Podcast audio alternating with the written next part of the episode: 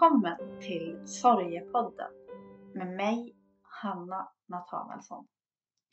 I den här podden bjuder jag in gäster som har burit eller bär på någon form av sorg. Vi pratar om när livet drabbar oss på ett obarmhärtigt vis. Men också om att glädjen kan finnas med trots allt det svåra.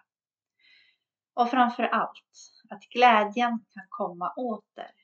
Det finns inget mörker där inte ljuset kan få bryta igenom. Dagens gäst är Lotta Gustafsson.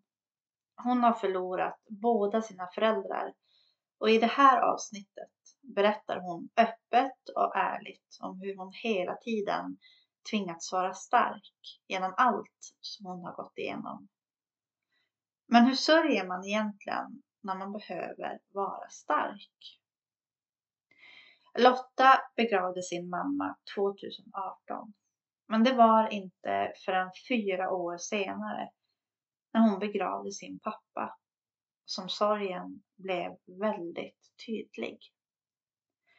Under hennes pappas begravning så sköljde sorgen över och för henne så kändes det som att begrava båda sina föräldrar den dagen. Lotta hon önskar förmedla till människor i sorg att inte stänga in sorgen. Hon har själv så många gånger fått bita ihop men med facit i hand så känner hon att hon skulle mått bra av att våga visa sig svag ibland. Det här är Lottas historia. Om sorgen, duktigheten, smärtan, glädjen och om att det bästa ändå ligger framför.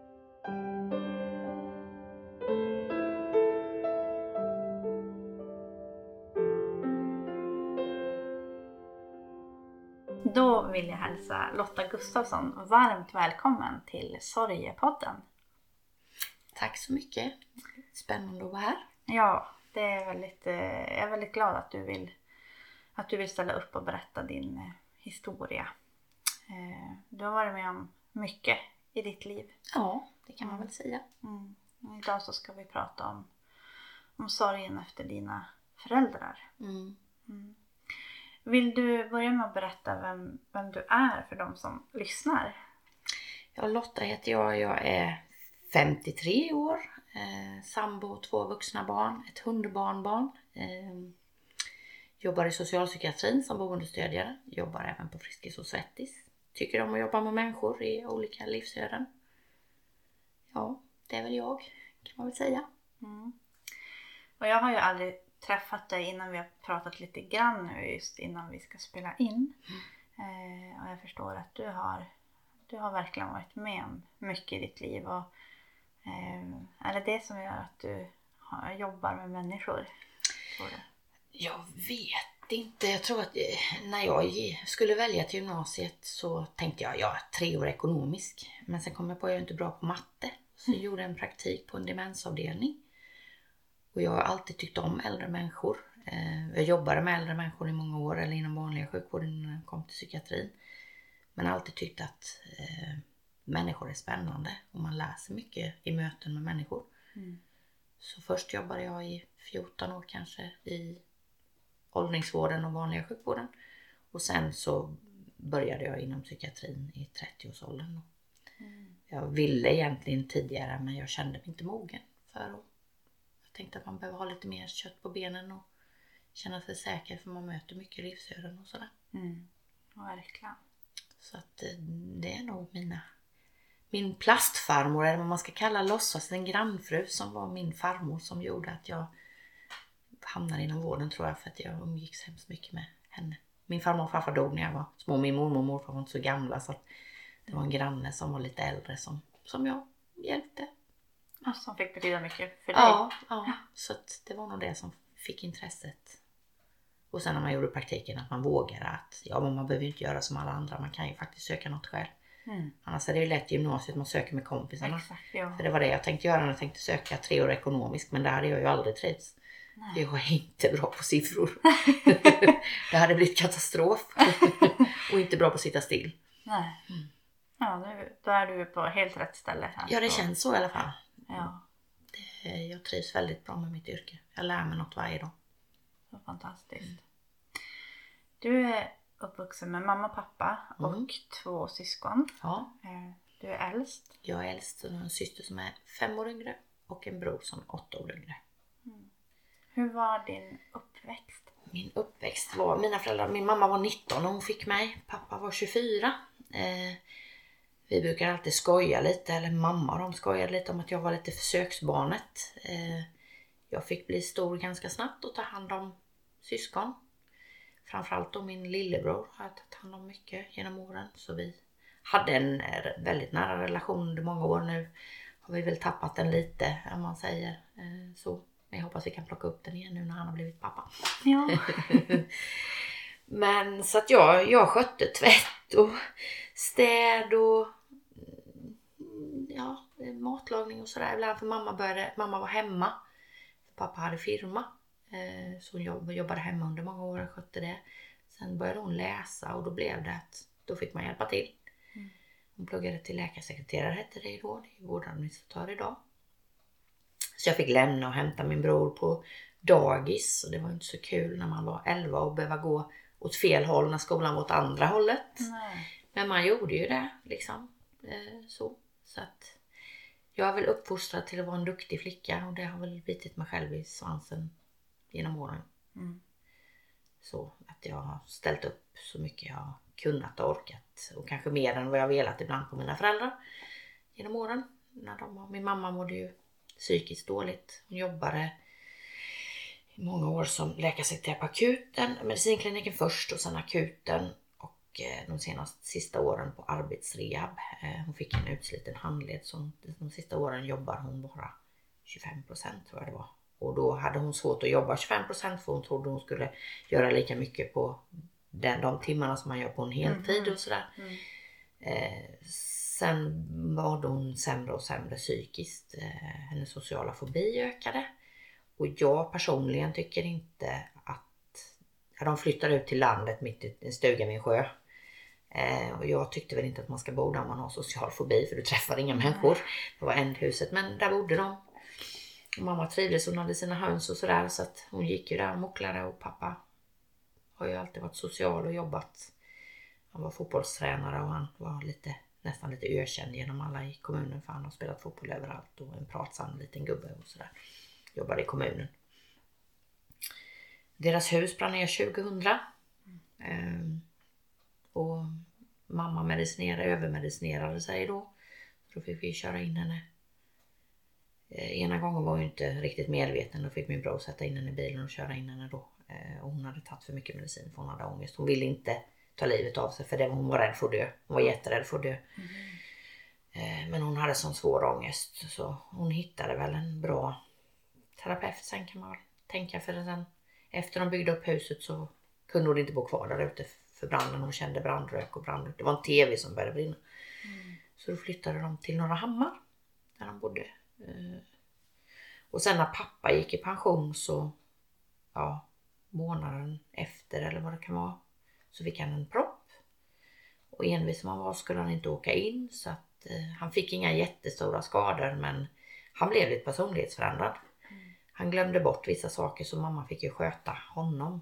Eh, vilket hon ofta klagade på till oss. Och man, jag kunde få ibland på Messenger. Du har inte hört av dig och är du arg och massa sådana här. Förväntade hon sig att du Att jag skulle höra av mig och jag skrev det är bättre du hör av dig för hon, hon hade hemskt mycket verk så hon vilade mycket.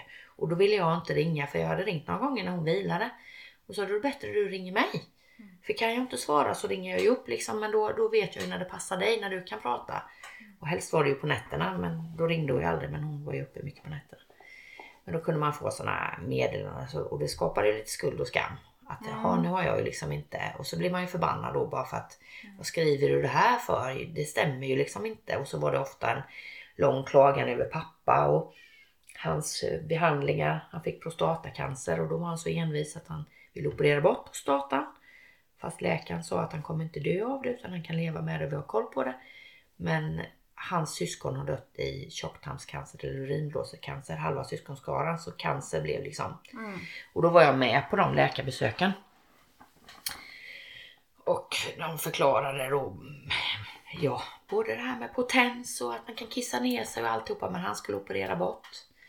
Och det blev ju allt möjligt och han kissade ju ner sig. Mhm. Eh, och det skulle han ju inte erkänna. Eh, och då pluggade min dotter till arbetsterapeut. Så då fixade vi inkontinensskydd och så sa vi att eh, hon behöver någon som testar det här så kan du testa det här Ja. och göra en utvärdering för det är ett skolarbete. Så- Så då fick, för mamma hade ju ett helsike för det var nedkissade madrasser och allt möjligt. Så då, då tyvärr lurade vi honom. Ja, fast vilket eh, bra sätt. Ja. att- ja men det var det verkligen. Det var ju... Så att han, han genomförde testet under tre veckor i alla fall. Ja. Eh, och då funkade det ju bättre. Men sen använde det inte. Men det var mycket sådana grejer och då fick, då fick jag nästan dagligen någon sån här på Messenger från mamma då att hon orkar snart inte mer. Och, och så blev man så här, ja men menar du att du inte vill leva? Och så när man frågade den då stod hon inte riktigt till svars för det. Utan det blev, eh, jag kände det som att jag fick, jag fick bara dåligt samvete.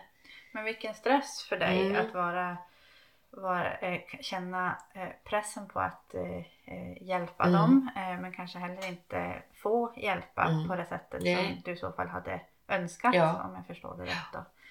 Ehm, vad gjorde det med dig? Jag blev ju... Jag, jag hörde ju av mig mindre till dem. Även, även om hon hör, hörde av sig. Ehm, sen blir jag nog sådär att jag blir inbunden och stänger av. Min familj kan säga att oh, jag blir som min bubbla och det stämmer nog. Att jag går liksom in för att hantera det. För så gjorde jag när jag var liten. Det var liksom jag fick hantera det mesta själv. När jag blev klämd i fingern till exempel när jag var 11 eh, Så gick jag på gården i två timmar och blödde för att jag vågade inte gå hem för mamma tålde inte se blod. För då hade jag fått ta hand om henne också. Oj. Eh, Så då väntade jag till pappa kom hem innan vi kunde åka in till sjukhuset då. Eh, Och det blev ju, ja det var ju sprickor och det var ju, ja. Så, så det var lite sådär, och när min bror cyklade in i en husvagn och slog ut tänderna i underkäken, han var väl också 10-11 år. Då ringde mamma till mig på jobbet så jag fick åka hem från jobbet.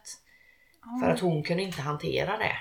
Men har du fått vara mer mamma åt henne? Ja, har ibland har jag nog fått vara det. Om man, om man tänker tillbaka så har det nog varit så.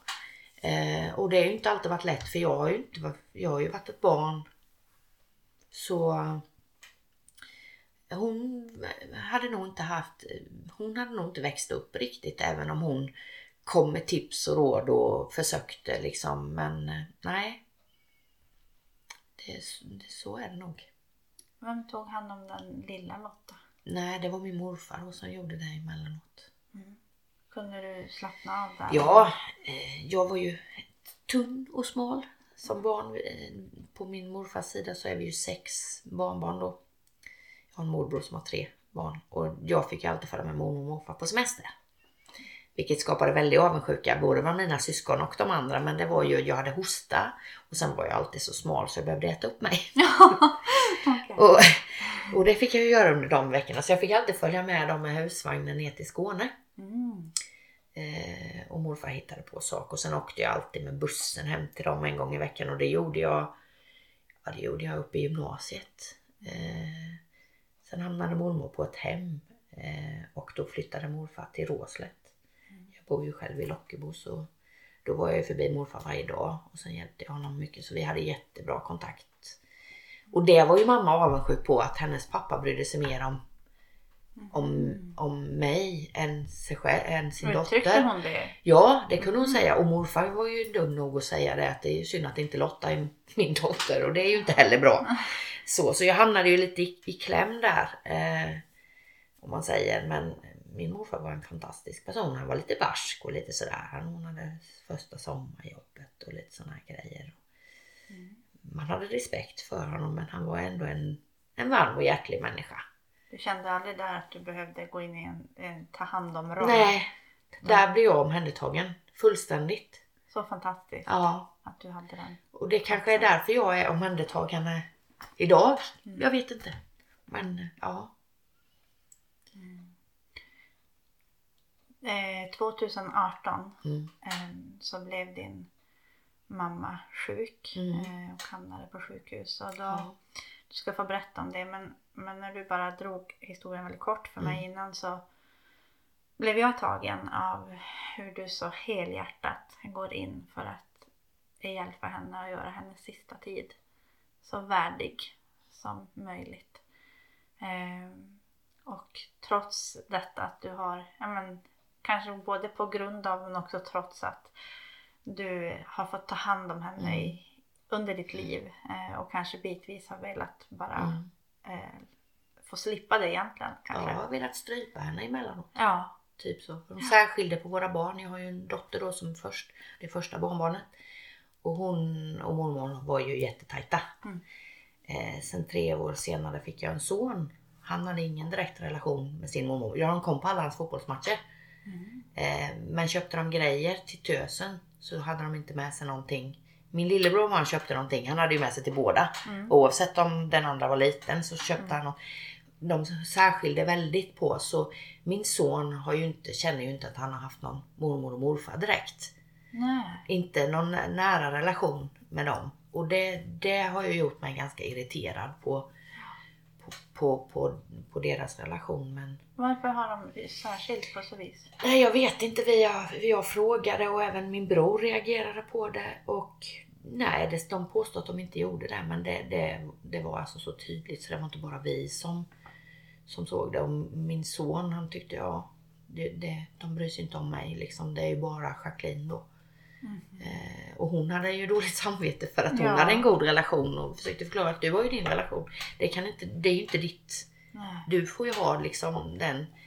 Eh, men jag tror att eh, under den perioden när han var liten, de hade, vi var hemskt mycket när Jacqueline var liten, eller jag var hemskt mycket där hemma med henne. Och när Alexander var liten så mådde mamma mycket sämre. Och då bodde de ute i stugan och det var lite längre bort, annars hade jag gångavstånd. Mm. Så jag gick ofta en promenad till mamma och så hämtade min sambo mig där då. Mm. Eller så cyklade vi. Och det gick ju inte riktigt. Så det kanske gjorde också att det blev en närmare relation. Och de hade en fantastisk relation. Mm. Så. eh, så att, eh, men om vi ska gå tillbaka till 2018 så fick jag ett telefonsamtal från min pappa att mamma åkte in med ambulans. För hon har så kraftiga magsmärtor. Och då sa jag till pappa, men vad gör du hemma då? Mm. Du måste ju följa med. Nej, men det, det var inte så nödvändigt. Så jag åkte upp och jag, pappa kom ju till slut. Eh, och då hade mamma brustet mag, så kallar de det. Det hade spruckit vid tarmen. Och vi satt... Eh, hon blev lite sämre när vi satt i akutrummet. Eh, och de kom in och sa att de ska ta henne till operation och frågade lite var vi bodde och sådär. Så ja, vi bor ju i närheten sa vi. Så då, de sa åt oss att vi kunde åka. Så de tog ju hand om mamma och hon åkte till operation och sen får jag ett samtal på kvällen igen att hon är jättedålig, att hon håller på att dö. Så vi får ju åka in och då får vi utskällning av personalen först för att vi hade åkt hem. Men vi blir hemskickade så för det var ju en annan personal då. Mm. Ja men det skulle, skulle vi suttit på akuten och väntat, hon blir skickad till... Ja, då, ja de tyckte ändå att vi skulle. Men vi var ju där bara på... Jag hämtade pappa, vi var väl där på en kvart kanske. Mm.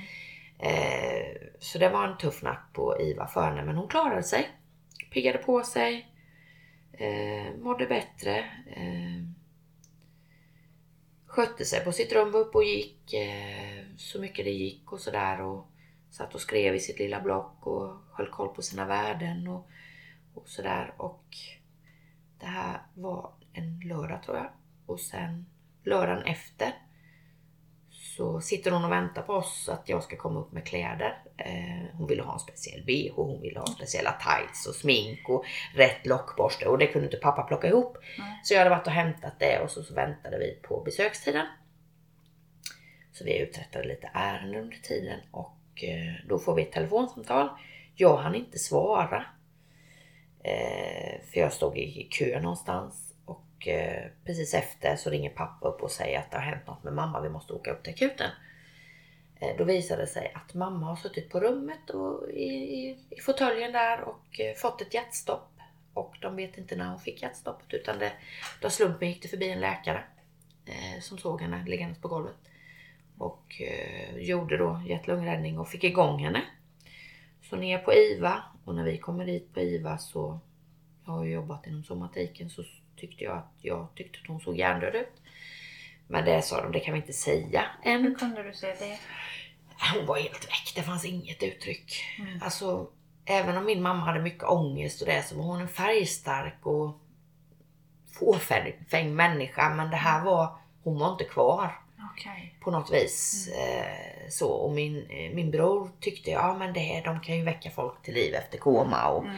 och sådär. Men jag sa, det är inte, det är inte så. Så vi, vi åkte in och ut. Eh, sen på kvällen dagen efter så var det en annan läkare och sa jag måste, ni, måste berätta. För pappa fattade ju ingenting utan men hon kommer ju vakna igen. Det var ju liksom inget, de, de hade ju varit ihop i nästan 50 år. Eh, och, och då fick jag ett samtal med en läkare. Han var jättebra. Han förklarade. Jag fick ställa frågor och han slingrade sig lite. Jag frågade är hon hjärndöd? Jaha, det kan jag ju inte säga för vi har inte gjort testerna. Nej, men vad tror du då? Ja, då trodde han ju det. Och då skulle, gjorde de ju testerna och de tog tre, tre dagar ungefär. De gör ju dem i olika med ja, olika procedurer och då klantade de sig lite. De sätter ju skalpelektroder och de tog de ju den emellan så hon såg ju förskräcklig ut. Eh, massa sår i huvudet och när de hade försökt rädda henne så hade de tryckt in en tand hon hade sår. Alltså hon Oj. såg hon såg eh, lite, ja det var inte vackert. Men då gjorde de testerna och på tisdagen satte de ut all medicin. Eh, och på onsdag, hon kunde andas själv förresten. Fast hon låg i respirator, det, det, det kunde hon. Så att, eh, på onsdagen fick hon komma upp på sal. Eh, tillbaka till den avdelningen där hon hade varit innan. Då skulle hon få rummet bredvid personalen för att de skulle kunna vaka då. Men då sa jag att jag vill sköta henne. Eh, frågade om vi fick, eller jag fick. Och då sa min dotter då, som var 24 att vi gör det tillsammans mamma. Vad var det som gjorde att du kände direkt att jag vill, jag vill göra det här? Jag har alltid, alltid sagt det, eller ty, velat det sen jag började jobba med människor att jag vill ta hand om, jag, har- jag har tagit hand om så många eh, som har gått bort när jag jobbar inom åldringsvården. En sommar hade vi väldigt många som var för dåliga när de transporterades från sjukhuset. De klarade inte transporten. Eh, Så jag har varit med många dödsögonblick och gjort i ordning många och jag, jag vet inte, jag, jag, jag, jag tycker att det känns personligt att få göra det. Mm. Så vi fick lov till det. Jag sa ni behöver inte... Vi frågade om vi fick fri tillgång till att hämta i skåp och sådär eller om vi behövde ringa på grejerna. Nej, de sa ni får tillgång till allt. Ni behöver bara ringa om det är något. Så att vi, vi flyttade till ett annat rum. Som tur var var det inte fullbelagt. Så vi fick en, ett tvåbäddsrum. Så vi hade mamma i en säng och vi hade en säng vi kunde sova i då. Så vi turades ju om, jag och min dotter. Och sen så var ju pappa uppe emellanåt. Men vi fick ju skicka hem honom ibland för han fattade ju inte. Min bror gillade inte sjukhus så han var inte uppe jättemycket. Min syster kom ner från Göteborg. Min sambo åkte fram och tillbaka. Min son var inte jättesugen på att åka upp så han var inte uppe. Men han hade ju inga känslomässiga band så. Nej. Så vi, jag och min dotter, vi spelade musik, vi tvättade mamma, vi smorde henne med mangokräm och vi målade naglarna. Och vi höll på där och det var från onsdag och sen när helgen kom så var min dotters sambo tvungen till att jobba. Så då var hon tvungen till att ta hand om hunden. Om hon hade en liten hundvalp. Så. så då var det jag själv mest som skötte. De andra var ju uppe så jag var ju inte helt själv men nattetid var jag ju själv. Mm. Eh, och då låg jag i sängen bredvid och höll i mamma. Hon andades rätt så tungt så man kunde liksom höra då. Sen så passade jag ju på att sova ordentligt när de andra var uppe. Och jag skällde på henne och jag pratade med henne och jag försökte förklara att hon kan lämna och eh, det fanns ju ingen reaktion alls i henne mer än vid, vid två tillfällen. Ena tillfället var när det blev lite högljutt i rummet. Då grymtade hon. Mm. Och sen när min dotter hade varit och hämtat klänningen som vi skulle klä henne i när hon hade gått bort. Då grymtade hon också. Annars så fanns det ingen, ingen rörelse, ingen oro, ingenting. Och då ska man veta att min mamma hade svår ångest och hon satt alltid uppe från två, halv tre varje natt Mm. och rökade och drack kaffe. Eh, för att hon mådde så dåligt de Mm. timmarna. Och det fanns ingen reaktion. Så på söndagen så gick jag ut och skulle hä- hämtade kaffe och jag sa till henne du kan ju dö nu då när jag inte är här om du inte vill dö när jag... jag var rätt, då var jag rätt arg på henne. Jag tyckte hon, nu får hon banne mig lämna för då kände jag att jag orkade nästan inte mer. Nej. Men sen så hade jag ju påbörjat någonting som jag ville fullfölja. Men kände du, jag tänker i det här du berättat, jag skällde och jag var liksom, Ja. var, det saker som, som kom alltså från långt i tiden? I Nej, tiden, eller var nej, det, inte då. Nej, alltså även om min uppväxt ibland var jobbig och så, så var hon ju ändå, det var min mamma, det var den mamma jag hade.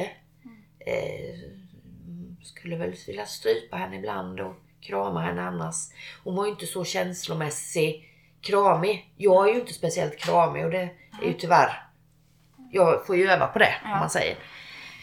Men hon dog sen på söndagen vid strax efter nio och då var det så här, är hon död nu eller? Så jag, jag tryckte ju på larmet och då hade jag ju tur att då tjänstgjorde en sjuksköterska som jag känner. Hon har spelat i det damfotbollslaget som min man har tränat Mhm. och som min dotter spelade i. Så hon kände ju, och hon hade även jobbat som undersköterska där mormor bodde så vi kände varandra hyfsat Mm. väl. Så hon kom ju in då och så vi, vi, vi kollar och liksom så och då det visade sig att hon hade dratt sina sista andetag och det var lugnt och stilla och liksom Jag vände henne lite oftare det sista. Mm. Vi vände inte henne så ofta för hon var inte röd eller så. Nej. Och nu till slut sa jag mamma nu kommer jag vända ihjäl det här snart. Lite så och så ja, spelade vi musik och jag skrattade och jag grät om vartannat så. Men då somnade hon in. Så då fick vi ju ringa efter efter pappa och jag, eller jag ringde efter min dotter först. För vi sa att vi gör henne i ordning för att hon såg. Så vi gjorde henne i ordning, plockade henne graffer och allt som fanns som hon hade för sina stygn och tvättade henne och klädde på henne klänning och min dotter sminkade över det värsta eh, så att hon var jättefin. Vi fick låna några plastblommor och ja. Eh, så min pappa och min bror och min sambo kom upp också. Jag tror min son var uppe med då. Eh, så det blev ju ett fint avslut. Så. Men då var jag ju ganska slut när jag skulle ta mig hem. Då hade jag ju bil på stora parkeringen. Mm. Min sambo hade parkerat på den andra. Då hade vi våran nya bil påkörd när han kom ut. Nej. Från den stunden min bror, min bror kom efter han. Så där hade ju någon gjort en Alla. jätteparkeringsskada. Som vi fick hålla på och bråka med men det är en annan historia. Men pappa fattade ju inte riktigt att, att mamma hade gått bort. Så det, var- det var ju jag som fick hjälpa honom med allt med begravning och Med det praktiska. med allt det praktiska. Och mamma skötte ju ekonomin. eh, Allt. Han kan ju ingenting med datorer så men min bror var lite insatt för han fick ju hjälpa till när mamma låg inne. Mm. Så han visste ju lite så han tog över den biten. För pappa kunde inget. Mm. Han kunde hämta ut pengar ungefär typ så. Så vi fick ju liksom, han visste ju ingenting hur han ville ha det på begravningen eller något sånt. Så, så vi fick, min bror var med så vi bestämde lite. Pappa var ju med på det men det blev lite över huvudet eh, på honom då eh, med blad och allting. Men det blev jättefint. Men sen var jag lite orolig innan begravningen för eh, samtalet med prästen. För när mormor begravdes så hade den prästen det begravningstalet eller vad man ska säga. Mm. Eh, det stämde inte. Va? Det var liksom inte, ja, inte vad vi tyckte. Det var ju min mamma och min, min morbror som hade. Men det kändes inte som man pratade om mormor. Eh, och lika så morfar. För det var ju de begravningar jag hade närmst i, Ja. i minnet. Eh, men en fantastisk nyutbildad präst, My tror jag hon heter. Eh, som vi pratade med. Så vi pratade om att mamma hade haft mycket det hade varit mycket mörkt med mamma men mycket fint. Vi gjorde ju mycket roliga saker. Vi fick ju åka och fiska och hon älskade att plocka svamp. Jag kan ju stå på kantarellen idag och inte se dem. Men hon kunde ju liksom stanna bilen när det kan. Alltså, så vi hade ju kantareller på bladet och, och, och, och sådär. Men vi hade ett jättefint samtal och hon fick en sån, hon fångade mamma perfekt. Ja. Så det blev, det blev så jättefint begravningen. Eh, och sen hade vi ju privat undsättning sen då. och då var vi, vi var ju i skogskapellet och då min sambos eh, lillebror jobbade där så vi, Mm. eh, han jobbade ju. Så vi hade bårtäcke och eh, så frågade han om vi ville ha låna silverkorset. Mm. Så jag bara, men mamma var ju inte troende eller, eller så men hon älskade ju smycken. Hon, hade, alltså, hon Mhm. älskade guld. Mm. Eh, Hon gillar inte att jag har silver. Hon hade ringar, ja jag har väl ärvt lite där nu. Men hon hade på varenda finger fullt. Så jag bara, Jaha. men det blir ju ändå lite mamma. Ja, Så det blev så himla fint. fast det inte var guld. Ja, precis. Ja. Jag tänker att hon, hon accepterar Ja. det. Så att det blev ju jättefint. Eh, Men du, hur kände du med, jag tänker då har du gått från en väldigt så här, intensiv period de här dagarna på Mm. sjukhuset där du tar hand om Mm. henne. Eh, och så går du direkt in i, och, och så är det ju när en människa dör att Mm. man, det blir så mycket praktiska Mm. saker. Och jag förstår att du är också en väldigt eh, lösningsfokuserad Mm. person. Eh, Lite hur, för mycket ibland kanske. ja, men jag tänker hur, när, när landade sorgen i dig?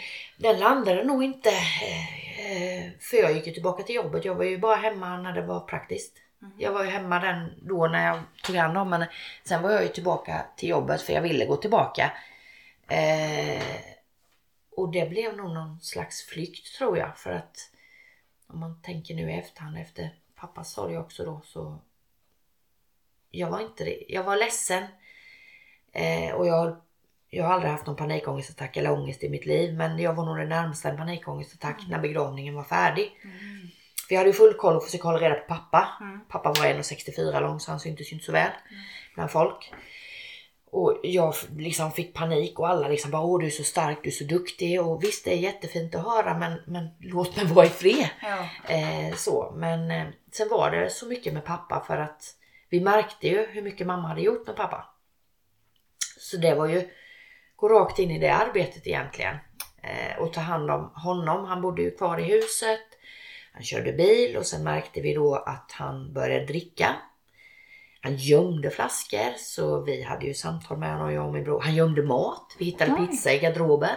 Nej. Min bror då eh, handlade och hjälpte honom att handla och sådär ibland när det var tyngre grejer för han hade ju utslitna axlar och lite sånt där. Så försökte, och då gömde han mat så vi var ju ganska arga på honom. Eh, min bror skällde rätt mycket på honom, jag skällde på pappa för vi tyckte du får skärpa dig, vi fattade ju liksom inte.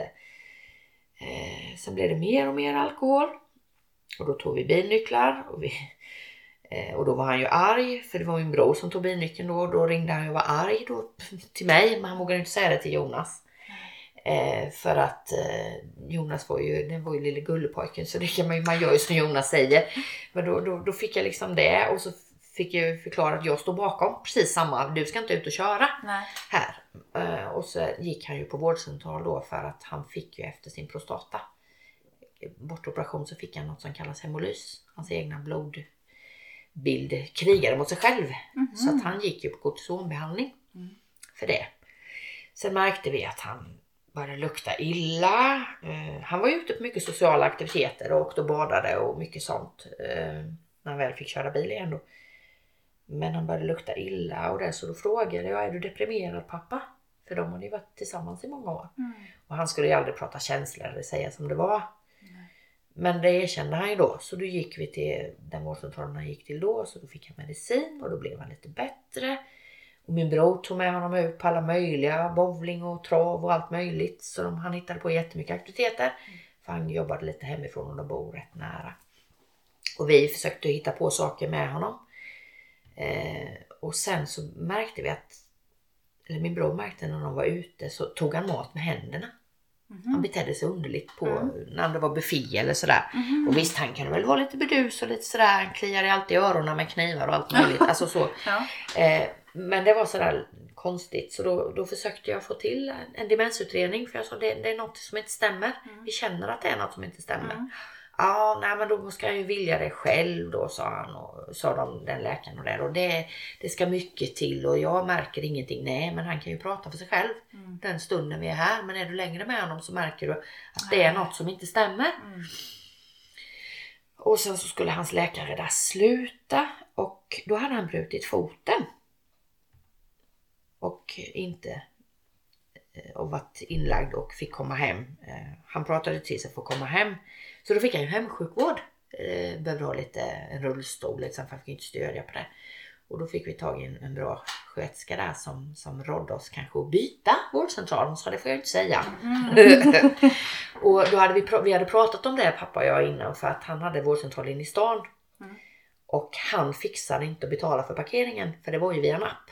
Mhm. Det fanns ju bara något ställe att gå och betala så han struntade ju ofta att betala parkering när han var inne i stan. Okej. Eh, och då fick han ju böter. Ja. Eh, så då sa vi då, då är det lämpligt kanske att ha, han bodde i Norrahammar. Det, där hittade han ju liksom. Mm. Så då bytte vi och fick en fantastisk läkare som eh, gjorde en demensutredning. Innan det hade min dotter gjort en demensutredning hemma i smyg på honom och sagt att hon behövde öva. ja. Och den Hon fail- känns väldigt pedagogisk. Ja, hon är väldigt, hon är väldigt bra. Hon är Ja. jättefantastisk. Ja. Eh, och det visade ju tecken på demens. Men den är ju inte, man får inte använda man den anhöriga har gjort på en anhörig. Eh, och hon gjorde bara halva för att han, han orkade inte mer. Så då fick vi ju en demensutredning och då visade det sig att han hade, en, han hade druckit sig till en alkoholdemens. Mhm. Och han hade ju velat flytta så vi hade ju sökt lägenheter i hela Norrahammar. för Han ville bo i Norrahammar. Mm.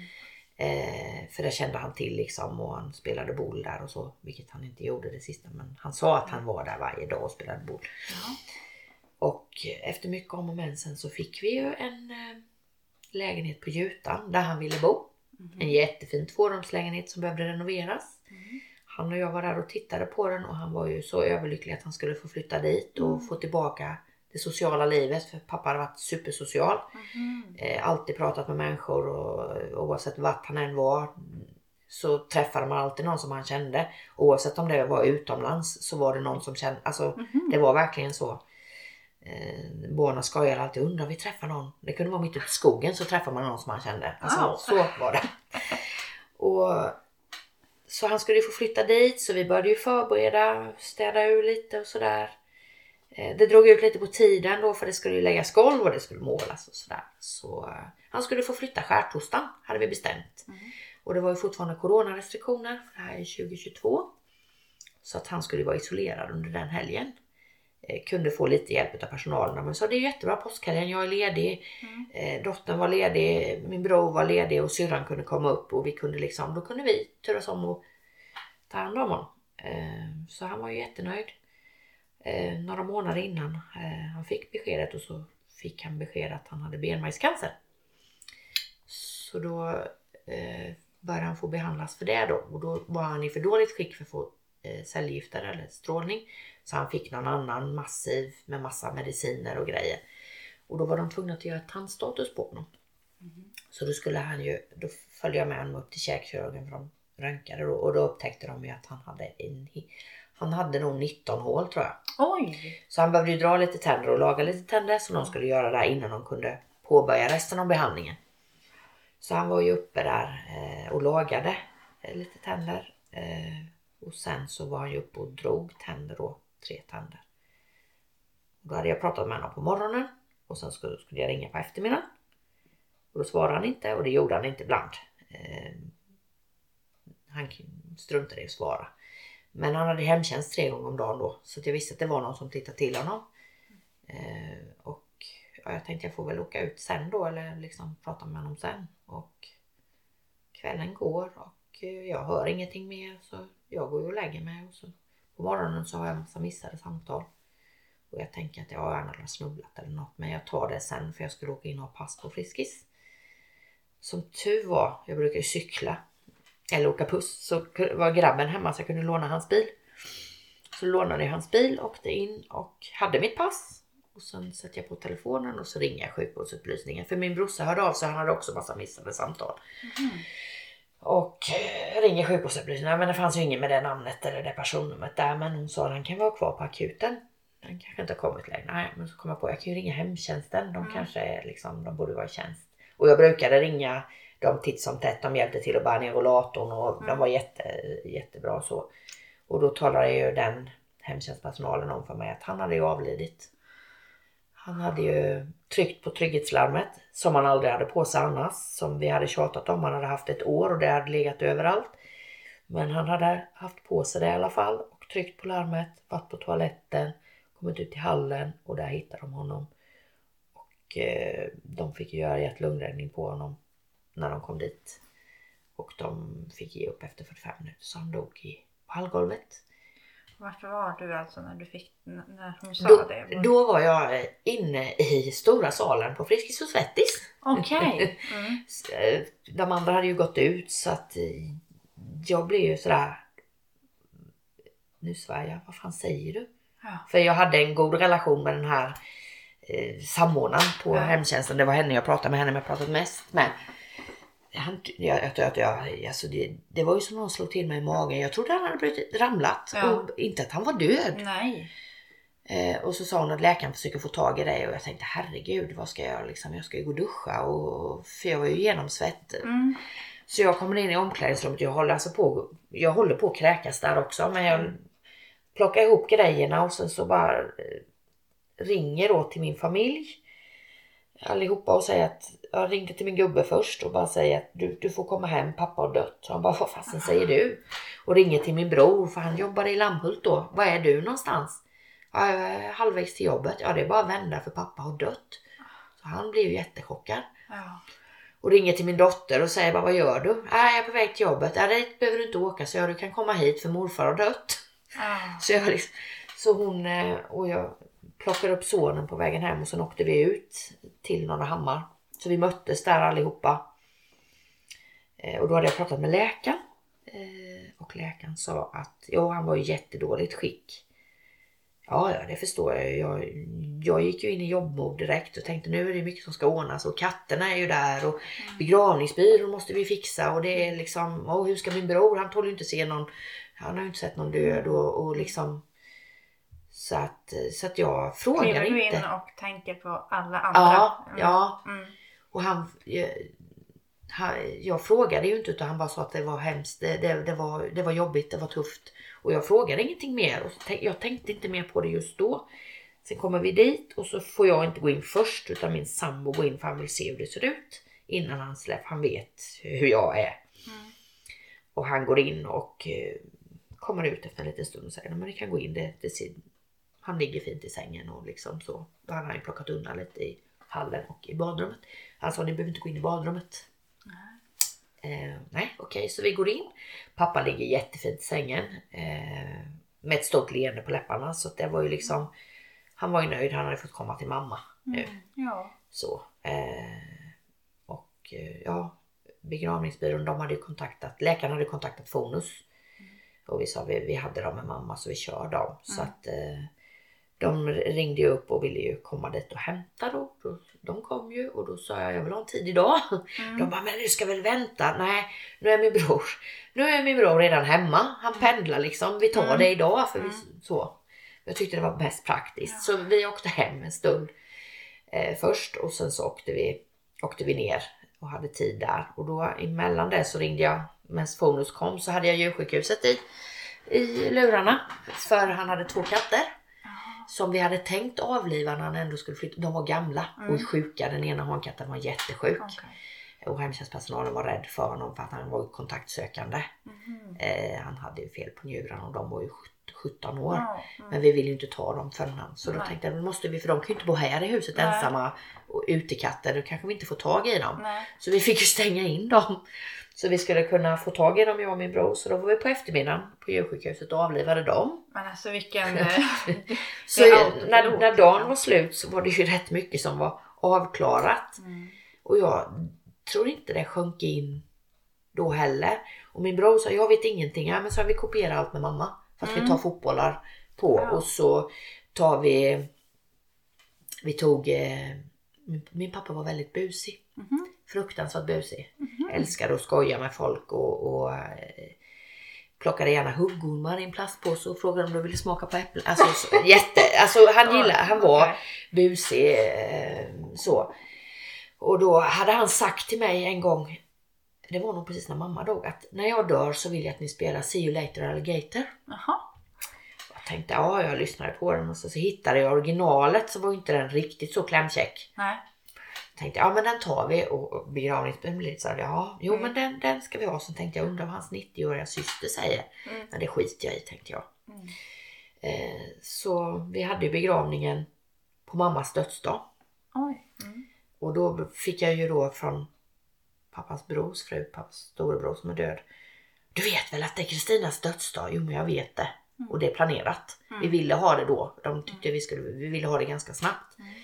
Så då hade vi begravningen och det var ju fruktansvärt. Mm. Ehm. För det var väl då lite det sjönk in att mamma var död med. Var det då som du Ja, landade i det? ja. Mm. Men det var ju jättefin ceremoni och även prästen hade fångat liksom pappa och vi hade fint efter och så precis efter så kommer pappas äldsta syster. Så bara, det var den bästa låten till, till Arne. Det var den bästa låten. Vad fint! Ja, och jag blev så, åh gud. Ja. Man var lite orolig för de här äldre Ja. släktingarna för det var Ja, väldigt men- sådär, det ska vara tradition Ja, och så. det, ja. Eh, Men, men jag tänker om vi stannar till bara lite vid, vid den dagen. Och, för då, fyra år tidigare så var du Mm. begravt din mamma. Eh, på vilket sätt skilde det sig åt den här begravningen? Ehm, ehm, Jag tror jag begravde bägge den dagen. mm, För det var, det var så mycket fokus på pappa när mamma dog. mm, För hur han skulle ta det. För han hade ju förlorat sin, sin fru. Jag hade förlorat min mamma men jag var ändå vuxen liksom och jobbade med människor. Och, äh, så tyckte jag väl att men det är en jättemärklig känsla att ha förlorat bägge föräldrarna. mm, Så mina barn ska jag säga eller ska jag säga ja nu är du inte barn längre. Nej säger jag men nu är det jag som bestämmer. För jag är vuxen. mm, Men det är jätte, jättekonstigt för mamma blev 66 och ett halvt och pappa dog en månad innan han skulle fylla 76. Och det är ingen ålder. nej. Så att det är ju liksom... Mm. Kände du att du fick utrymme den dagen att sörja? Eh, Ja, det... Men sen har jag ju... Och jag gick ju också tillbaka till jobbet tidigt, direkt efter pappa. Men då var... Då, då var jag... Jag är ju- öppen med som jag har smärta och sådär med mina klienter. För de känner ju av hur man mår. mm, Men jag kunde ju börja gråta mitt i ett möte. Men jag, hade ju, jag har jättefina klienter som jag går till. Så det var ju liksom okej, de fattade ju ja men så var det liksom. Jag började gråta för bara sådär. Vad kunde sätta igång? Fanns det något särskilt som... Nej, Nej. det bara kan komma och nu, nu, nu, det är lika, det kan fortfarande komma sådär att ja. Det har väl varit några gånger när jag har liksom brutit ihop. Mm. Eh, för att det gör ont. Det gör mest ont. Att han dog så tidigt. Vi var liksom inte färdiga. Det fanns så mycket. Eftersom de var så unga så när de fick så hade de ju haft en chans att få se barnbarnsbarn som min mormor och morfar fick. För Mm. mormor var ju, min mormor var 17 och hon fick min morbror och sen var ju lite fem år äldre då för han är fem år äldre. Och så, så mamma var ju 19 då så jag var ju fruktansvärt gammal tyckte ju de när jag fick barn som 24-åring. Jag var ju nästan pensionär. Eh, så, men så att men, men mamma hade vi väl ändå alltid räknat med att hon inte skulle bli så jättegammal för att hon åt så mycket medicin och hade sin anorexia och ja, var lite skröpligare. Hon hade svår benskörhet och här Mm. grejer. Men pappa var liksom han dalade, dalade så fort och sen var det så eh, ja vad ska man kalla det? Det var inte värdigt att få dö så i hallen i sitt hus. Precis innan man har nått målet. Som han längtar efter. Ja, och det har väl gjort mig jättearg att han dog veckan innan han skulle flytta in. Så när jag ring, vi hade ju inte hunnit skriva några papper. Så när jag ringer enhetschefen och säger att det blir inga, inget här, du får ge den lägenheten till någon annan. Så undrar hon, har han ångrat sig? Nej, så han är död. Han dog. Overkligt. Ja, det blev jättekonstigt och hans eh, kontaktperson inom hemtjänsten hon blev ju jättechockad för hon hade ju, de hade ju fått en jättebra relation. Sen var han ju inte den lättaste lättaste vårdtagaren för han skulle ju göra allt själv. Okej. Så, Mm. fast han inte gjorde det. Nej. Eh, Men hon tog honom och var fantastisk. Så att det blev liksom, nej det blir så ovärdigt när man får när man måste slåss så länge för, för att få något för att, som man egentligen har rätt till. Mm. Det är, ju, det är ju så idag, du måste ha en diagnos för du ska få ett äldreboende, du ska ha hemtjänst, du ska ha prövat det och, Och, du ska, och han tackade ju nej till många insatser så då var han inte... Det var ju också ett, ett hinder då för att få Mm. till han fick demensdiagnosen. Då var det liksom inget snack men han behövde inget demensboende utan han kunde liksom Mm. Mm. bo på ett vanligt boende då med hemtjänst. Precis det han hade velat. Han hade sett fram emot att sitta och sola på altanen och gå bort till Konsum och handla det han ville handla liksom. Mm.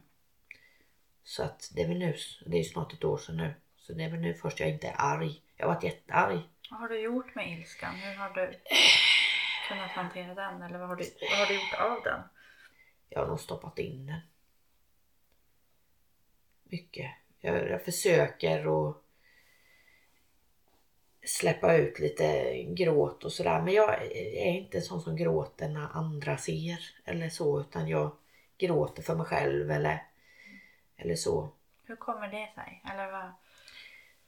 Det handlar om att jag inte vill visa mig svag tror jag. Mm. Och att jag är dålig på att ta emot hjälp. Jag är bra på att ge andra hjälp men eh, min dotter brukar säga men du får ju tänka på dig själv. Ja men det gör jag men det löser sig. Vad skulle hända med dig tror du om du, om du skulle visa dig svag? Eh, Jag vet inte. Jag har alltid sagt så förr att om min morfar dör så vet jag inte hur jag ska... Och då, jag var på väg att trilla ner i ett jättedjupt hål då. Mm. Eh, men jag tillät mig inte att trilla ner där. Eh, för jag tror inte jag hade kommit upp. Mm. Jag tror att jag hade blivit så deprimerad så att jag...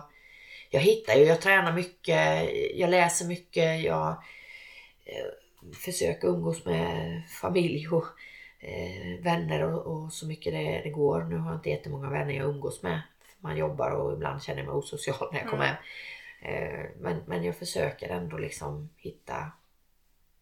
Försöker ta hand om mig och göra det jag mår bra av. Ibland försöker jag vara lite egoistisk. Så bra. Eh, ja, Ja. eh, och liksom ja, unna mig lite extra saker ibland eller någon massage eller lite så. Mm. Men, men jag mår bra av att möta människor och, och jag lär mig så mycket både av mig själv och, och, och det.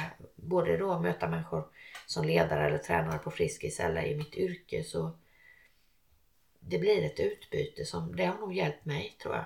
Mm. Att liksom, ja.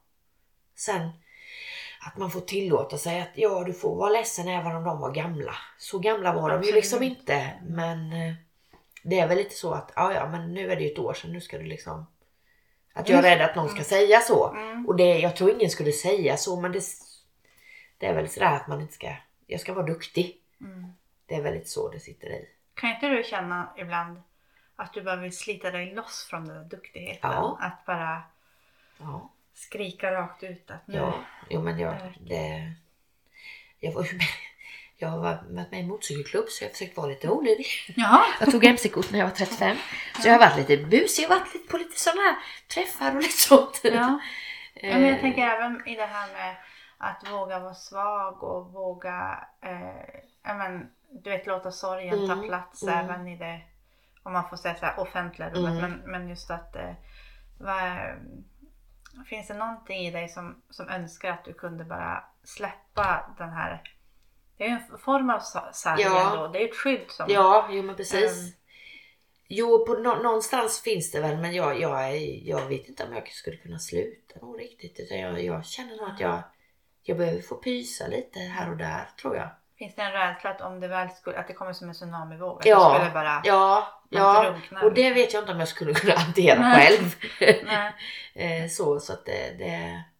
Men nu har jag ju blivit faster. Hon är en vecka idag. Mm. Min bror har fått så. De har blivit farmor och farfar äntligen. De var ju mormor och morfar och längtade efter att lilla Jonas skulle få barn. Mm. Eh, Eller inte han men hans sambo. Mm. Så jag ska åka och hälsa på den här lilla flickan imorgon. Har du inte träffat henne? än? Jag har bara sett henne på ICA Maxi-parkeringen. Jaha! Men då sov hon. Ja! Eh, så att, eh, och jag har sett foto på henne och så men för att när hon föddes så hade vi sonen maginfluensa på jobbet så då vågade vi inte. Nej. Och vi sa att vi, vi bestämmer till helgen nu för att se vad vi, jag har haft för sjukdomar runt omkring Mm.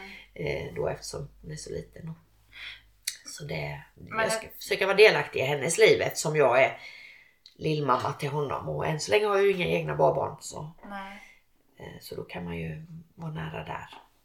Finns det något eh, smärtsamt i att de inte Eh, fick träffa sin... Ja, eh, jag går ju på kyrkogården och tänder både hos mamma och pappa och hos morfar varje fredag.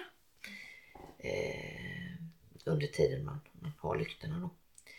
Så att jo, men jag vet ju att mamma hade varit överlycklig för jag vet ju hur lycklig hon var när jag väntade barn.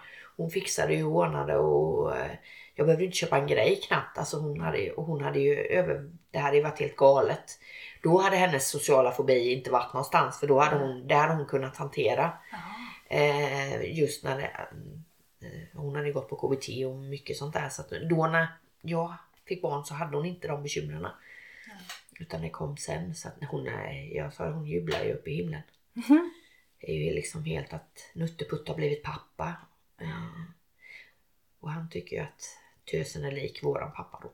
Men vi får se vem hon blir lik. Ja. Men hon är en liten envis dam och det är bra för vi är envisa. Ja, Pappa var jätteenvis och jag är också jätteenvis. ja du känns envis. Ja. Men det är Och jag är envisa barn. Ja, men det finns ju ett fantastiskt driv i det också. Ja. Mm, att få... Jo men det, jag tror att det är väl det som har format mig till den jag är. Mm. Allt som jag har varit med om i livet. Med, ja, och alla har vi olika. Det finns ju inga manualer när man får barn. Eh, och hade det funnits det så hade kanske mina föräldrar gjort annorlunda när jag växte upp. Men de gjorde så gott de kunde. Hur, hur känns det med, med den biten när, nu när de inte längre finns kvar och ehm, att de att de särskilde på dina barn och så jag tänker det finns en, en sorg i det och även Mm. Ja. att du har fått ta så mycket ansvar och Jo, vad har du gjort av den av de känslorna? Ja, jag har nog lagt dem i samma hög som det andra, mer eller mindre. Jag har ju varit väldigt irriterad på att de har särskilt barnen så. Syrrans barn har de ju inte haft någon direkt kontakt med för hon flyttade ju till Göteborg innan hon fick barn så det har ju varit vid telefonledes och, Mm. och lite så så de har ju ingen sån eh, relation och de var ju inte här så mycket heller då. Eh, Men mina barn har ju ändå vi bott, även om de gick på sonens fotbollsmatcher och det så det, det kan jag göra med rätt så. Jag försöker att inte bli bitter. För det är lätt att bli det. Mm. Men jag tycker det är orättvist mot, mot min son.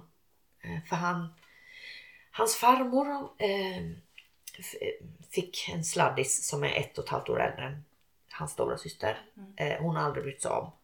De har inte fått kalla henne farmor för det var ju gammalt. Så de har ingen jättenära relation. De, vi träffas, hon kommer inte aldrig komma på födelsedagar eller sådär om man inte har bjudit in henne. Hon kan liksom inte höra av sig om det inte är något. Och då bor hon ändå i stan. Eh, och eh, mormor och morfar var ju då mer för stora syster. Sen för några år sedan så eh, fick min sambo kontakt med sin biologiska pappa Mhm. och sina syskon i, i Värnamo. Det är väl fem sedan. Det var nog precis när mamma, strax innan mamma gick bort där. Så då började vi träffas och då var sonen lite skeptisk om han skulle träffa farfar. Mm.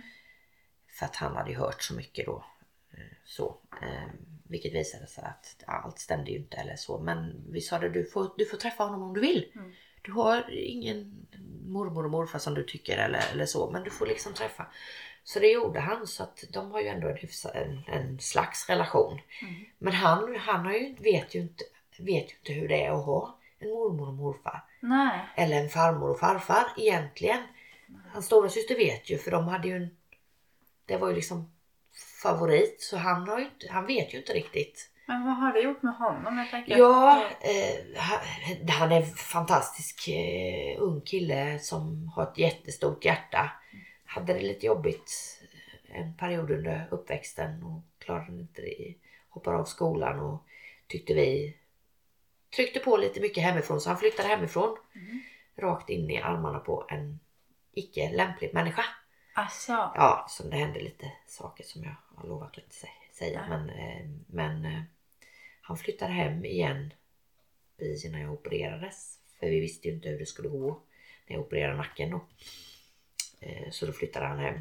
Eh, och sen har han flyttat ut, bott ihop med tjej och sådär. Nu bor han hemma tillfälligt igen för att eh, lägenheten stod när, när de separerade. Så, så att han är han är ändå en väldigt kärleksfull människa.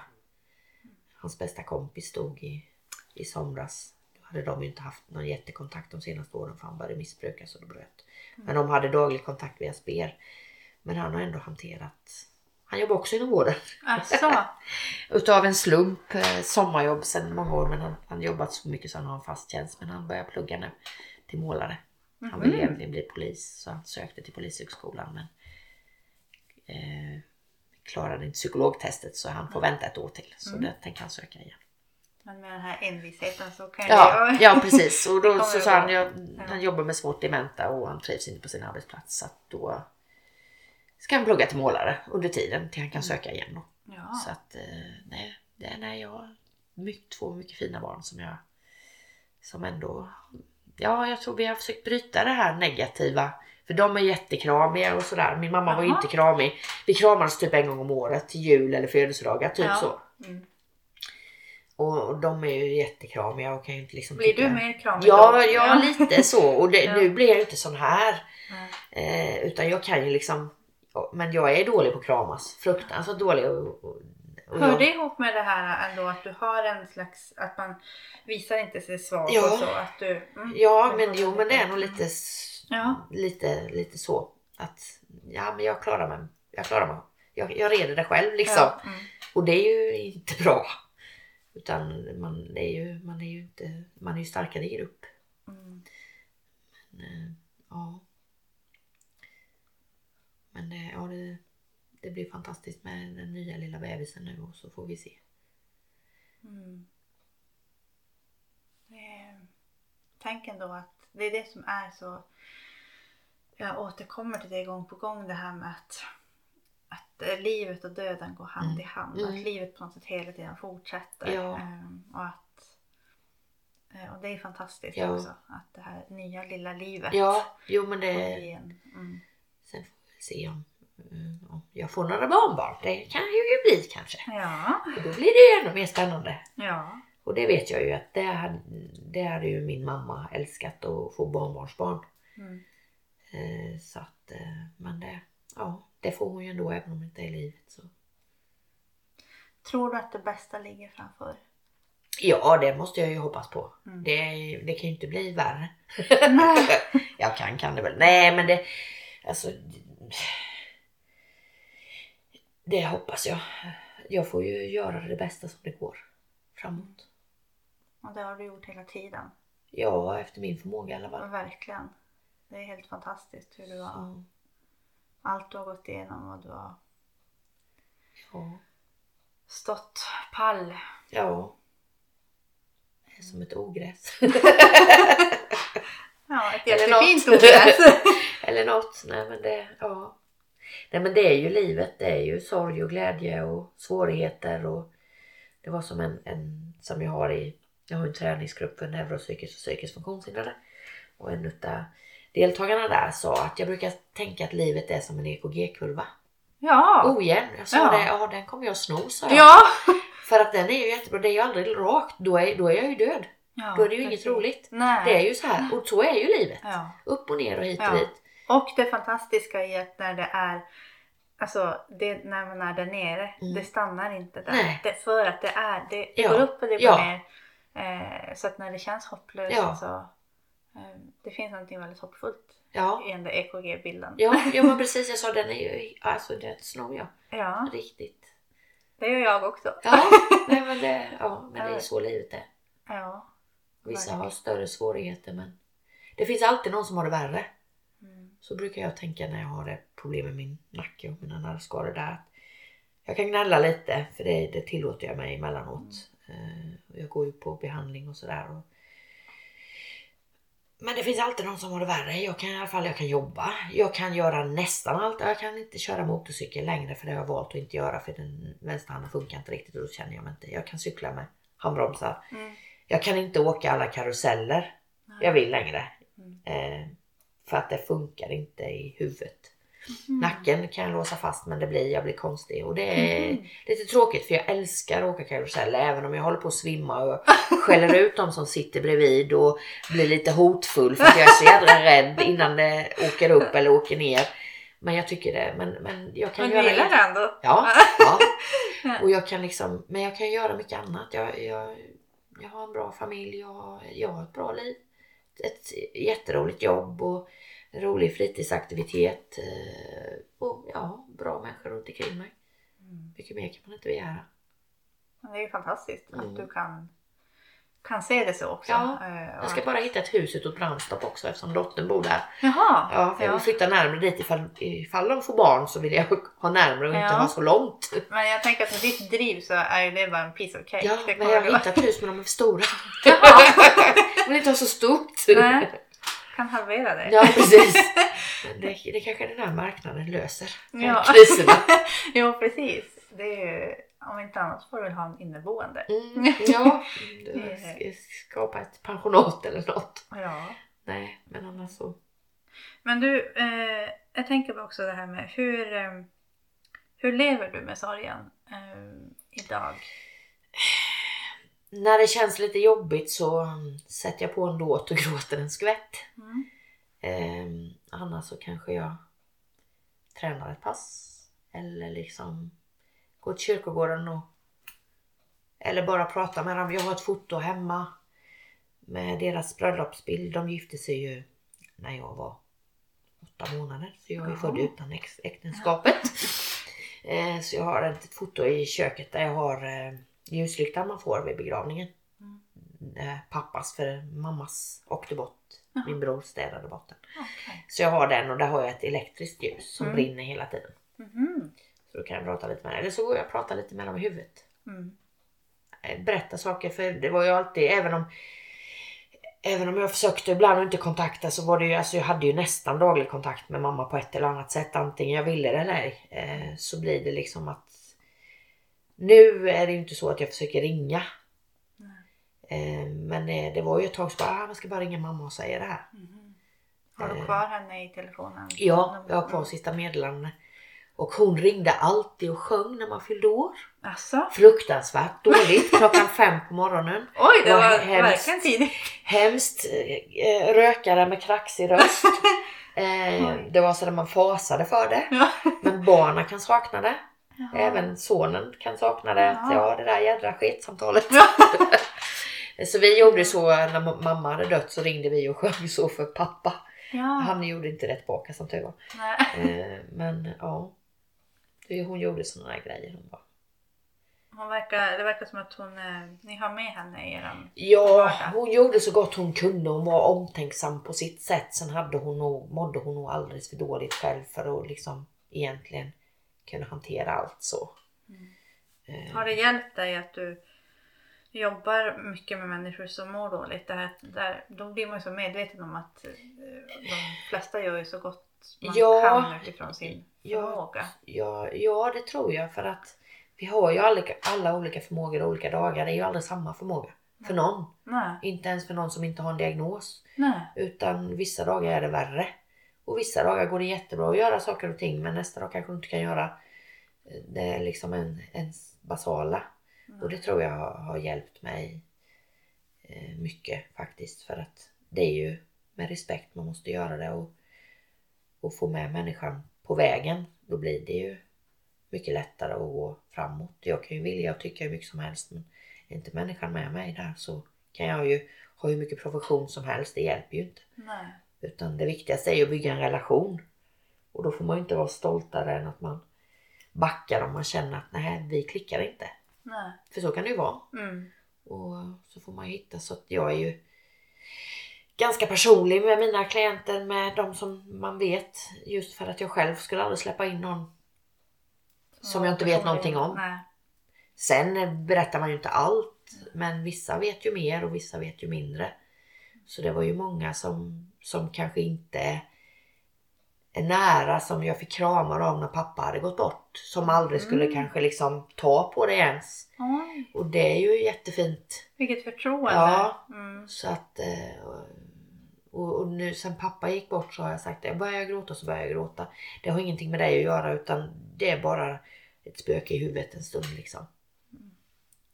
För, eh, ja. Så får man ta hand om de gamla som finns i närheten. Mm. Även om man inte umgås med dem så mycket. Känner du så att du vill? Ja liksom- men eh, min sambo har ju då sin mamma, hon är ju 72 i år. Vi har inte jättemycket kontakt fast hon bor här. För hon, han har ju yngre syskon som hon. Mm. Eh, och sen då hans pappa som vi umgås med i Värnamo och pratar med. Han, han, min gubbe ringer till honom varje vecka och så pratar vi på högtalare och sådär. Och vi åker ju dit och vi har haft eh, vi har varit nere och haft fest och pappa var med också. Mm. För, när man, och de kände varandra sen förr för han är Jaha. från Jönköping. Jaha. Så det var lite roligt. De busade ihop de gubbarna så man fick ju gömma spriten för då stod de då stod min gubbes pappa där och blandade drinkar med likör 43, sprit och gin och allt möjligt som vi liksom och min pappa bara jag vill inte ha det. Men, men han får hållas. Och liksom, ja de hade jätteroligt så vi hade, vi hade ju mycket roligt det sista eh, med pappa då för att han skulle innan han blev sämre och sämre då. Och min bror kämpade ju mycket det sista också till slut när det inte gick. Jag kan inte ta med honom någonstans, han luktar förskräckligt och Mm. han kan inte uppföra sig då. Så att, eh. Och det var nog lite jobbigt för pappa. För han märkte ju att det inte riktigt funkade. Som han ville. Han inte funkar. Nej, och han har ju alltid varit, han fixar och han eh, liksom, ja inte IT-saker och sånt där för det kunde han ju inte. Men han har ju lyckats blockera alla i sin, han har en sån här enkel mobiltelefon, blockerat alla. Oj, Han jaha. har lyck- lyckats med, utom mig. Jaha. Mm. Oj. Min dotter och min brorsa och min bror var ju jätteirriterad på han svarar ju aldrig. Ja men du får svänga förbi för du bor ju. Han var hinner inte och det var ju det är mycket då med livet och allt. Så att eh, ja, så är det ju. Man vet ju inte när det tar slut. Men pappa gick det fortare än vad vi trodde. Ja, och det blir så tydligt just det. Att, Mm, att man kan tro att, mm. eh, att man har tid. Ja. Eh, och så bara kapas det Ja. av. För mamma fick vi ändå en förberedelsetid. Mm. Mm, och du fick också det här att få vårda henne. Du Ja. fick som göra det Ja. sista. Och, ehm, men vad, vad skulle du vilja skicka med till, till människor som lyssnar? Stoppa inte undan det så som jag utan kanske släpp fram det för det kanske inte blir någon ts- tsunami. Nej. Och sen så tänker jag att en tsunami är väldigt skräck. Eh, Man kan känna att det känns väldigt svårt men den Mm. ebbar också ut. Jo men det gör ju det. Mm. Och sen så behöver man kanske inte prata med alla men man kan prata med någon. Ja. Jag har kanske inte pratat med någon alls Nej. förutom dig nu Mm. då. Mm. Eh, utan pratat lite där och lite där och, och, och liksom så. Och det är väl min, min svaghet. För jag skulle inte säga att det är min styrka egentligen. Att jag, jag skulle bli, behöva vara lite bättre och inte vara så musslig. Mm. Eh, för jag tror att man mår bättre av det och jag jobbar på det. Mm. Så förhoppningsvis så blir det väl bättre och bättre men, eh, men det, är ju inte, det är ju inte farligt egentligen för det man dör ju inte i alla fall. Nej. Eh, visst man kan bli sårad på vägen men så är ju livet. Mm. Mm, Så att nej, det skulle jag vilja skicka med. Våga prata. Det finns ju många bra, både även om man inte är troende så finns det ju inom kyrkan man kan prata med. Mm. Jag pratade hemskt mycket med den prästen. Med mamma där då. Mm. Eh, Hon ringde ett par gånger efter och sådär och hon var jättelätt att prata med. Mm. Och då behöver man kanske inte tänka att man måste vara kyrklig för att man går. Man Nej. kan ju hitta så behöver man inte leta upp någon dyr psykolog eller man kanske har en kompis eller en häst eller vad Ja, sjutton som ja. helst. Och En hund! Ja men och sen tänker jag också att, eh, att inte ge upp. Ibland så, så stöter vi på alltså, rötägg. Mm. Ja, Eh, men, men att det betyder inte att alla är så. Nej. Eh, och att då behöver man inte fortsätta prata med den. Nej. Men att inte ge upp utan Nej. att känna att ja, men då kanske jag kan anförtro mig åt den här Ja. personen. Eh, för, för det är också otroligt smärtsamt att eh, lätta på sitt hjärta Mm. och det inte blir väl mottaget. ja, Men att då finns det andra människor precis. som kan, ehm, eh, kan eller lyssna. göra som jag, pysa lite då och då kanske om det funkar. Men man måste prova lite. Går man omkring och mår dåligt, jag mår inte dåligt så. Det är bara att jag blir ledsen ibland och då, nu tillåter jag mig väl lite mer än, än efter mamma. Mm. Det, det är ju ändå snart, fem år i år snart. Att jag tillåter mig att vara ledsen då även om min familj ser det. Men det kanske är, jag kanske är ledsen, jag gråter någon 30 sekunder eller något sånt där. Mm. Men nu stoppar jag inte tårarna utan de får komma. Mm. Innan så bara... Mm. Ja. Eh, så att jag tror att, ja. Och sen har jag ju pratat mycket med, med min dotter för hon var ju med på mormors resa och hon har ju, eftersom hon jobbar inom vården med och så har hon ju varit med mycket även med morfar och hjälpmedel och, mm. och sådana saker. Så att, eh... Visar hon, kan hon prata om sina känslor? Och ja, det... ja, hon är mycket bättre på det än ja. jag. ja. eh, så, så, så att, eh, och vi åker ju, har ju åkt på resor ihop en till två gånger om året. Nu var vi iväg i år, första sedan pandemin då. Vi brukar åka till London i rean i januari och sen har vi åkt till eh, Warszawa på somrarna. Och vi har sagt att vi ska försöka hålla det. Mm. För det är bara rätt så mysigt. Hon, ja, bara vi två. Mm. Och äter gott och dricker gott och shoppar och har lite mysigt. Så mysigt. Ja. Så vi sa att vi ska försöka hålla det men nu sa vi nu vi är nog färdiga med London. Vi kan vänta dig någon vi har varit där i åtta år. Oj. Mm. Eh, men Warszawa var ju trevligt på sommaren men nu får vi se hur det, om det blir något i sommar eller om vi tar en höstresa. Eller. Mm. Men vi sa det, det är rätt viktigt att komma iväg. Jag har varit iväg en gång med sonen men då var det konsert. Jaha. Men eh, vi har också sagt att vi ska försöka göra någonting vid. För det är mm. rätt mysigt. Ja. Men eh, kanske det är också så att hon är lite att ta rygg på för dig, din dotter? Ja, ja men hon är en eh, väldigt bra person och efterapa eller vad man ska säga. Ja. Jo men det är, det är många som säger att hon verkar äldre än vad hon är. Mm. Eh, hon läste ju till arbetsterapeut. Det där. Hon jobbade ett halvår. Och sen läste hon så jobbar hon på privat. Så hon är arbetsterapeut och rehabkoordinator. Så det är många som när de får reda på hur gammal hon är inte tror att hon mm. inte fyller 29 år. Mm. Hon är jätte, jätteklok och jätte... Men hon var det redan från hon var liten. Hon var som en liten gumma och gick och tjattrade. Och alltså. Hon hade inte tid med med några andra lekar utan det var dockor och det skulle ordnas och organiseras och må väldigt ordentligt. Ja. Och lillebror får runt i gardiner och annat och inte pratade utan det, det skötte ju syrran. Så hon tolkade ju åt honom på, på dagis till vi fick förbjuda henne till att, för han hämtade ju henne när han ville något. Jaha. Fast hon var på avdelningen bredvid och så fick ja. hon ju tala om då och så stack han och cyklade eller något annat. Men. Så de har en jätte, jättebra fin relation. Hur många år är det mellan? Tre. Tre år. Ja. Så att eh, nej hon är hon är nästan lite för duktig också. Men hon, ja, men hon har blivit eh, bättre på att tillåta sig att göra annat också. Inte bara vara duktig. Nej. Så att hon är, nej, hon är en riktigt fantastisk kvinna. Mm. Det var ju så fint att få lyssna till dig och din historia. Eh, och jag tänker att det är så det, det, är så många bra saker du du säger för att, alltså för de som lyssnar också, att eh, även om du då är, alltid är stark, att du vågar berätta egentligen om din svaghet och det som har varit svårt eh, och, eh, och det som du bär på har, har varit med om. Eh, det är så fint att du har, har berättat om det och att, att vi får ta del av det. Mm.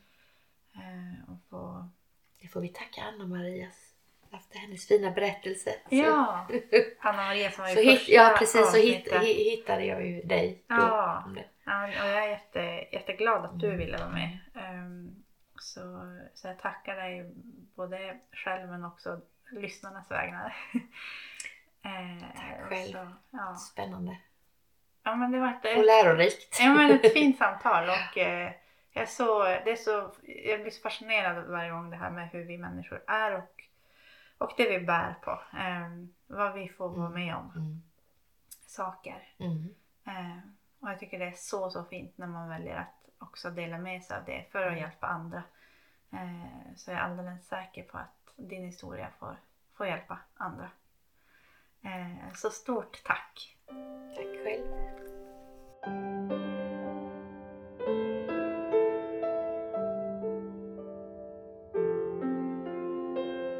Du har lyssnat till Sorgepodden med mig, Hanna Nathanaelsson. Dagens gäst var Lotta Gustavsson. Följ gärna mig i mitt arbete på Aurora sorgebearbetning på Facebook och Instagram. Eller besök min hemsida www.aurorasorg.se Tills nästa gång. Ta hand om dig.